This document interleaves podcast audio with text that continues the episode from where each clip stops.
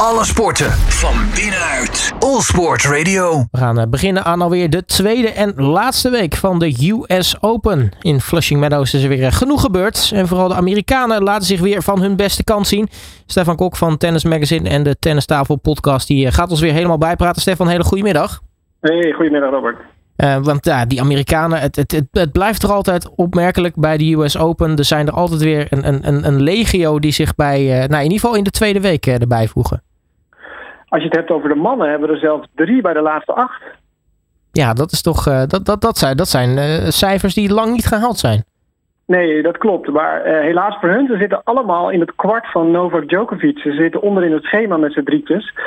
En dus dat, ja, dat is pittig voor hen. Ja, want laten we even kijken. Tot nu toe, ja, de Amerikanen doen het dus heel goed. Maar dat is denk ik niet het enige wat, wat opvalt dit toernooi. Uh, ja, er valt zoveel op. Waar wil je beginnen? Maar als we echt binnen de banen blijven. Zullen we eerst bij de mannen blijven of wil je naar de vrouwen? Laten we beginnen bij de mannen. Bij de mannen. Nou ja, dat Alcaraz is natuurlijk huis aan het houden. De nummer 1 geplaatst. De titelverdediger. staat bijzonder goed te spelen. Is wel een beetje ziekjes. Ehm, dus dat kan een probleem worden. Maar dat staat een geweldige kraker op het programma. Hopelijk in de kwartfinale voor hem als hij Sinner kan treffen. Uh, moet hij nog wel eerst zien te winnen van Arnaldi. Nou, dat zal wel geen probleem zijn. En daarna onder hebben we Zverev tegen Sinner. En dat wordt een clash in de kwartfinale tegen Alcaraz. Ja, dus dat gaat sowieso uh, interessant worden. Uh, nou ja, voor de oplettende kijker onder ons, Medvedev is er ook nog bij. Maar die, die heeft toch wel een aantal, aantal korte nachtjes achter de rug. Ja, dat is toch ongelooflijk. Die eindigt steeds midden in de nacht. Dat is ver na middernacht. 1 uur, 2 uur s'nachts. Ja, voordat je dan in bed ligt. Uh, na de persconferentie en je cooling down en wat eten, et cetera. Maar hij heeft gezegd, voor mij geen probleem. Ik heb vijf minuten YouTube nodig en ik val in slaap. Dus dat is voor hem uh, goed. Maar hij heeft het ook aan de stop met het publiek. Want uh, ja, zo laat in de avond zit misschien wat drank in de man. Ze worden luidruchtiger. En ja, Medvedev laat zich dan ook wel horen. Uh, maar goed, dat, dat, dat extra zeg maar, vuurtje wat aangestookt wordt, dat kan hij ook wel vaak goed gebruiken. En uh, hij cruist dan wel weer door naar de vierde ronde, waar het op gaat nemen tegen Alex de Minar. Een hele rappe Australiër. Dus dat kan een hele interessante wedstrijd worden met hele lange rallies. Ja, je noemde die uh, drie Amerikanen al.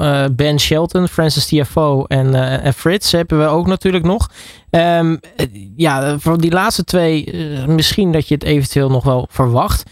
Uh, dat, dat die uh, nou ja, ver komen in zo'n toernooi. Maar die Ben Shelton is misschien de, de grootste van de, van de drie qua verrassingen. Nee, absoluut. Een hele leuke, jonge, frisse speler. met een gigantische service. komt uit het college tennis. En volgens mij kwam hij dit jaar voor het eerst in actie op de Australian Open. En het was voor de eerste keer dat hij in het buitenland was. Hij haalde daar wel meteen de kwartfinale. Maar tot zeg maar, tot de US Open heeft hij niet veel gepresteerd. En nu opeens staat hij weer bij de laatste acht. Met echt geweldig spel. Heel veel energie erin. En uh, ja, met bommen van services. er was er eentje zelfs van 236 km per uur. En uh, hij gaat het opnemen tegen Francis Tiafoe. Ja, en dat is uh, een mede-Amerikaan. normaal gesproken zou je verwachten. Tiafoe kennen we natuurlijk al, al wat langer. Dat nou ja, Tiafoe er met de overwinning van doorgaat. Maar ja, wat, wat die Ben Shelton tot nu toe laat zien. Kan het zo nog maar eens de, de andere kant opvallen. Ja, dat wordt echt een spektakel. Ze zijn allebei echt van die, van die publiekslievelingen en ook echt energie krijgen van het publiek heen en weer. Dus dat wordt een geweldig, ik neem aan, avondpartij uh, morgen. Uh, dus dat wordt geweldig. En hij won al van uh, Tommy Paul, Ben Shelton. En Shelton stond waanzinnig goed te serveren. En Tommy Paul probeert hem dan uit zijn spel te krijgen van... hé, hey, in de changeover, wat sta jij goed te serveren vandaag? Hè? Met mooie complimentjes om maar in het hoofd, hoofd te kruipen. Maar Shelton vooralsnog onverstoorbaar. Ja, dus dat, uh, dat wordt nog wat. Ja, ze zitten dus wel in, uh, in het kwart van, uh, van, van Novak Djokovic. Ja, dat, van hem verwacht je wel dat hij uiteindelijk van, van die vierde finale wel gaat halen. Ja, dat lijkt me wel. Hij moet het opnemen tegen Taylor Frits, die nog nooit van Djokovic heeft gewonnen. Ja, Frits zegt dan in de persconferentie: Ik hoop dat het een keer gaat lukken, gaat lukken. En waarom dan niet in een kwartfinale van de US Open? Maar ja, Djokovic is op jacht naar die 24e Grand Slam-titel. En ja, hij is in goede vorm. Hè. Na Wimbledon kwam hij sterk terug. Uh, won Amerikaans hardcourt toernooi met een geweldige wedstrijd tegen Alcaraz. Dus die uh, ligt echt wel op koers voor een eindstrijd. Ja, verwacht jij dat uh, dan uh, de finale Alcaraz-Djokovic uh, gaat, gaat worden? Of nou ja, Alcaraz is een beetje ziekjes. Ga, gaat daar nog wat gebeuren? Ja, nou ja, we hopen het allemaal wel. Maar er zit nog een ja, Yannick Sinner in, in, in het kwart bovenin. En dat wordt de kwartfinale hopelijk tegen Alcaraz. En die hebben al wat epische wedstrijden in het verleden gespeeld. Dus een soort van angstkekener voor Alcaraz. Uh, gek genoeg, als hij daar doorheen komt, staat in de halve finale misschien een wat makkelijkere tegenstander op het programma dan in die kwart tegen Sinner of Zverev. Want ja, dat is dit Medvedev, we noemen hem maar eventjes. Maar het spel van Medvedev tegen Alcaraz, ja, dat ligt Alcaraz heel erg goed. Medvedev die heel ver achter de baseline staat, die goede dropshots van Alcaraz. Dus dat maak ik me minder zorgen om voor de jonge Spanjaard. Maar die Sinner Zverev in die kwartfinale, dat wordt pittiger voor Alcaraz. Dan hebben we natuurlijk ook nog eh, de dames. Nou, daar weet je eigenlijk altijd vanaf het begin eh, dat dat eh, gekkenhuis gaat worden. Iedereen kan van iedereen winnen, merk je wel de laatste, de laatste jaren. Dat is dit, dit keer eigenlijk ook wel weer het geval. Ja, dat maakt het ook wel weer leuk, vind ik. Anderen zeggen van ja, daar houden we ook wel van hè, geëikte naam dat we weten die ver komen. Nou, dat zou dan een Swantek moeten zijn, de nummer 1 geplaatst titelverdedigster. Maar die ligt er al uit in de vierde ronde. Ja, die, die, had, het, die had het vrij moeilijk. Ja, klopt. Jelena Ostopenko is echt een hardhitter eerste klas en een angstgegner voor de jonge Poolse. Want uh, die won al de ondermoetingen en ook in deze vierde ronde. Uh, won wel de eerste set met 6-3, maar daarna ging Ostopenko eroverheen met 6-3, 6-1. Uh, we weten misschien nog, de mensen kennen haar misschien nog wel van Roland Garros een aantal jaren geleden, waarin ze alle lijnen raakte ongeveer die twee weken lang en het toernooi won. En hier ook weer uh, staat te timmeren en die gaat het opnemen in de kwartfinale tegen Coca Golf, de, ja, de lokale favoriet. Ja, dat is natuurlijk dan weer uh, inderdaad Amerikaanse. Maar toch even uh, Ostapenko. Ja, voor Siontek gaat dat dan op een gegeven moment toch in, in, haar, in haar hoofd zitten? Als je dan, uh, nou ja, elke keer als je tegen Ostapenko moet spelen, wat voor een toernooi dan ook, dat je dan tot nu toe eigenlijk altijd verliest.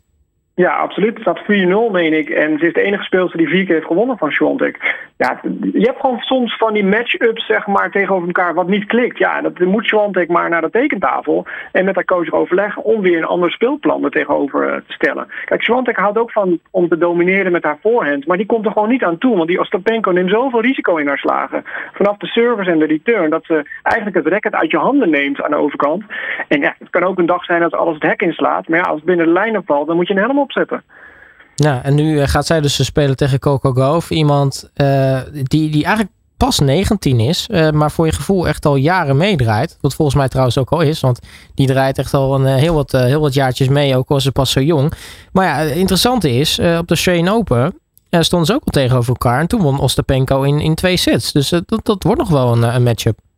Ja, absoluut. Ja, met de vorm die Ostapenko nu heeft, wil niemand tegen haar spelen, denk ik. Uh, golf wordt gecoacht door Brad Gilbert. Die heeft het boek geschreven Winning Ugly. En dat kan ze goed gebruiken eh, in dit geval om een goede strategisch plan er tegenover te stellen. Ja, en dan eh, hebben we natuurlijk ook de andere kant van het schema. interessante namen, bijvoorbeeld die van, van, van Mugova. want die staat sowieso al goed te spelen, maar die gaat voor het eerst naar de kwartfinales daar in Amerika. Ja, we, kennen haar nog van Roland Garros, waar ze die finale haalde. De verloor ze van Swantek. Uh, veel gebaseerd geweest uh, de laatste jaren, maar een bijzonder getalenteerde speelster. Uh, beheerst alle slagen en ja, staat nu ook weer goed te spelen. En die staat in de kwartfinale tegen de verrassende Kirstea uit Roemenië. Ja, en uh, Kirstea is, was het, het struikelblok van, van Ribakina, de, de, de nummer 4 van de wereld. Um, ja, dat, dat, dat, dat, geeft ook wel aan dat, dat het best wel close bovenaan is. Want nou ja, Sabalenka uh, uh, ligt er al uit. Is dan wel nu de nieuwe nummer 1 van de wereld. Maar het, gaat hard daarboven in dat, uh, in dat top 10 schema. Ja, ik neem aan dat je bedoelt Ribakina ligt eruit. Want Sabalenka zit er nog in. Die zit in het onderste gedeelte van het schema. Daar komen we misschien zo meteen op. Uh, maar Kirstea is altijd wel een speelster geweest, een beetje onder de radar, altijd wel top 30. Uh, goede slagen, verzorgde slagen, mooi tempo, uh, maar nooit echt uitschieters. Ja, en nu staat ze pas voor de tweede keer in haar lange carrière in de kwartfinale van een Grand Slam toernooi. Ze won van Bencic in de vierde ronde na haar goede overwinning op de Ribakina, dus dat is knap. Ja, is inderdaad, Sabalenka, ik zat even verkeerd in het schema te kijken. Sabalenka is inderdaad door. Slechts twee games verloren tegen, tegen Burel. wat dat betreft, die, die ziet er ook wel goed uit hè, qua topvorm. Ja, dat, uh, nou, je kent me misschien al een paar jaar. Ja. Ik, uh, ik noem haar al jaren van dat wordt mijn nieuwe nummer 1 van de wereld. En ja, vanaf volgende week is het dan eindelijk zover. Uh, is de titelverdediger, gaat heel veel punten verliezen. En Sabalenka wordt daardoor de nieuwe nummer 1 van de wereld. En staat goed te spelen, heeft nog weinig games verloren. Staat in de vierde ronde tegen Kazatkina. Um, met een matige service. Dus ik verwacht dat dat weer keeper wordt voor Kazatkina. En dat Sabalenka er overheen gaat denderen met haar ja, volledige power. Ja, is, is wat dat betreft uh, Sabalenka nu de, de, de titelfavoriet als we kijken naar de namen die nog over zijn?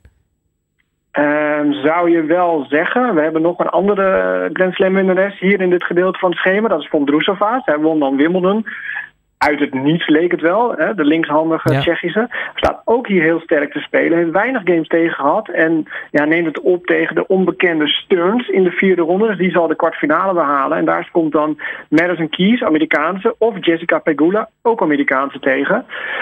En we hebben nog Ons Beur erin. De finaliste van vorig jaar. Ja, en gaat zij dan eindelijk nu eens een keer, uh, nou ja, echt, echt ook definitief doorbreken? Want we, hadden natuurlijk ook op de US of uh, op de uh, op Roland Garros het idee van, oh, nou, die, die kan wel eens de finale halen. Dat werd toen een hele verrassende finale. kan zij nu eindelijk even, definitief doorbreken wat dat betreft? Want ze, ze er natuurlijk echt al jaren tegenaan. Ja, absoluut. Zij, zij heeft het talent. Ze heeft zoveel balgevoel. Heeft ja, nu ook wel een beetje ervaring hè, van twee uh, Grand Slam finales uh, hebben gespeeld. Uh, vorig jaar dan verloren van Swantek. is wel alleen ziekjes. ze heeft zware partijen in de benen nu. Veel aan het hoesten en zo. En koorts en dingen. Dus dat kan een beetje tegenzitten. Maar goed, op een slam speel je een dag. Dan heb je een dag rust. Speel je een dag. Dus hopelijk heeft ze de rustdag van gisteren goed benut. En komt ze wat frisser ten tonele tegen Gwingwen Zheng uit China. Nou, trouwens, als we het hebben over uh, Tsjechië, wat, uh, wat, wat doen ze daar uh, dat dat ineens zo, zo goed draait met, met het vrouwentennis? Want ze hebben, nou ja, op 9, Mugova op 10, Kvitova op 11 en Krejcikova op 12 in de wereldranking.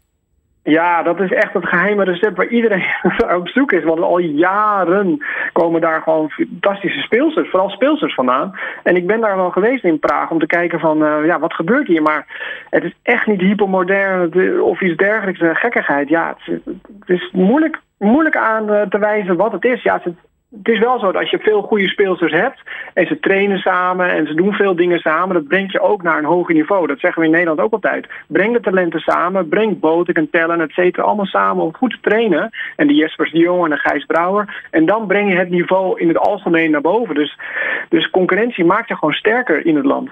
Ja, mooi trouwens dat ze dan ook gewoon op een rijtje staan, de wereldranking. Dat is ook wel weer, eh, weer mooi. Moet, uh, mooi geclusterd wat dat betreft. Hey, uh, tot slot ben ik eigenlijk wel benieuwd, want wat kunnen we nog verwachten deze, deze week? Qua spektakel. Ja, spektakel. Iedereen kijkt eigenlijk toch naar de mannen hè, met Alcaraz tegen Djokovic. Laten we hopen dat dat de finale wordt. Dat iedereen weer popcorn erbij gaan pakken en ervoor gaan zitten. Bij de vrouwen als golf het gaat halen, dat zou geweldig zijn, ook voor het Amerikaanse tennis. Het grote talent, wat dan eindelijk misschien doorbreekt op eigen bodem, dat zou gaaf zijn. En Sabalenka, ja, is nu nummer 1 van de wereld, dat weet ze. Dus misschien is ze wat meer bevrijd en gaat ze nu door en kan ze haar tweede slam winnen dit jaar. We gaan het uh, meemaken, laten we het hopen. Um, Stefan Kok, uh, mag ik je hartelijk danken voor je tijd en uh, geniet er nog even van. Dankjewel. Alle sporten van binnenuit. All Sport Radio.